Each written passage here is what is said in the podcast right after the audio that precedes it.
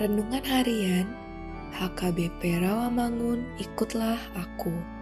Jumat 13 Januari 2023 Kristus adalah kekuatan Allah dan hikmat Allah.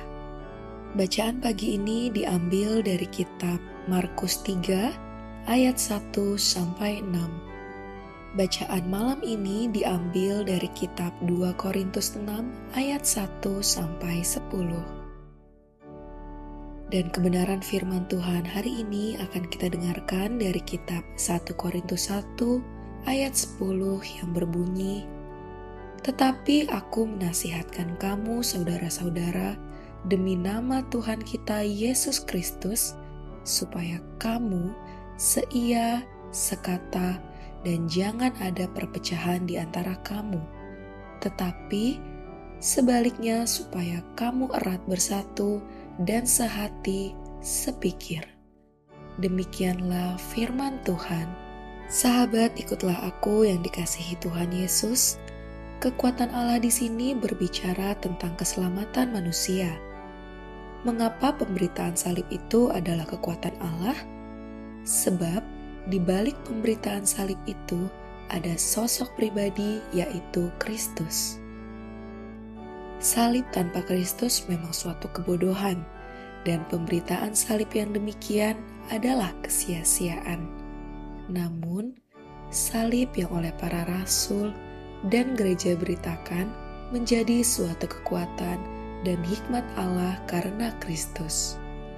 Sehingga pemberitaan salib adalah pemberitaan Kristus, yaitu menyalurkan kekuatan Allah kepada setiap orang sehingga dia bisa diselamatkan.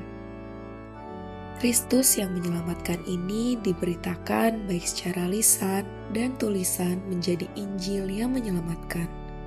Sebab itu, Rasul Paulus menuliskan, "Sebab aku mempunyai keyakinan yang kokoh dalam Injil." karena Injil adalah kekuatan Allah yang menyelamatkan setiap orang yang percaya. Pertama-tama, orang Yahudi, tetapi juga orang Yunani.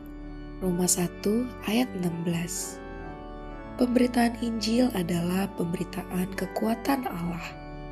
Pemberitaan Injil adalah pemberitaan salib. Pemberitaan Injil adalah pemberitaan Kristus yang menyelamatkan setiap orang.